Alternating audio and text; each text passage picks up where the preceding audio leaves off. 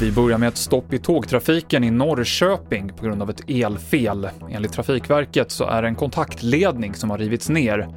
Det här påverkar fjärrtågen mellan Stockholm och Malmö och även regionala tåg i Östergötland. Trafikverket meddelar att vissa avgångar kan komma att ställas in och man får räkna med förseningar på de som rullar. Det har varit ett värdetransportrån i södra Stockholm på förmiddagen. Rånarna uppges ha varit beväpnade och kom över varor som skulle levereras till ett elvaruhus, men ingen skadades under rånet.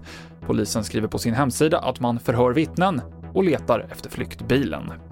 Och Världshälsoorganisationens chef har satt sig själv i karantän efter att ha varit i närheten av en person som sen bekräftats smittad med coronaviruset.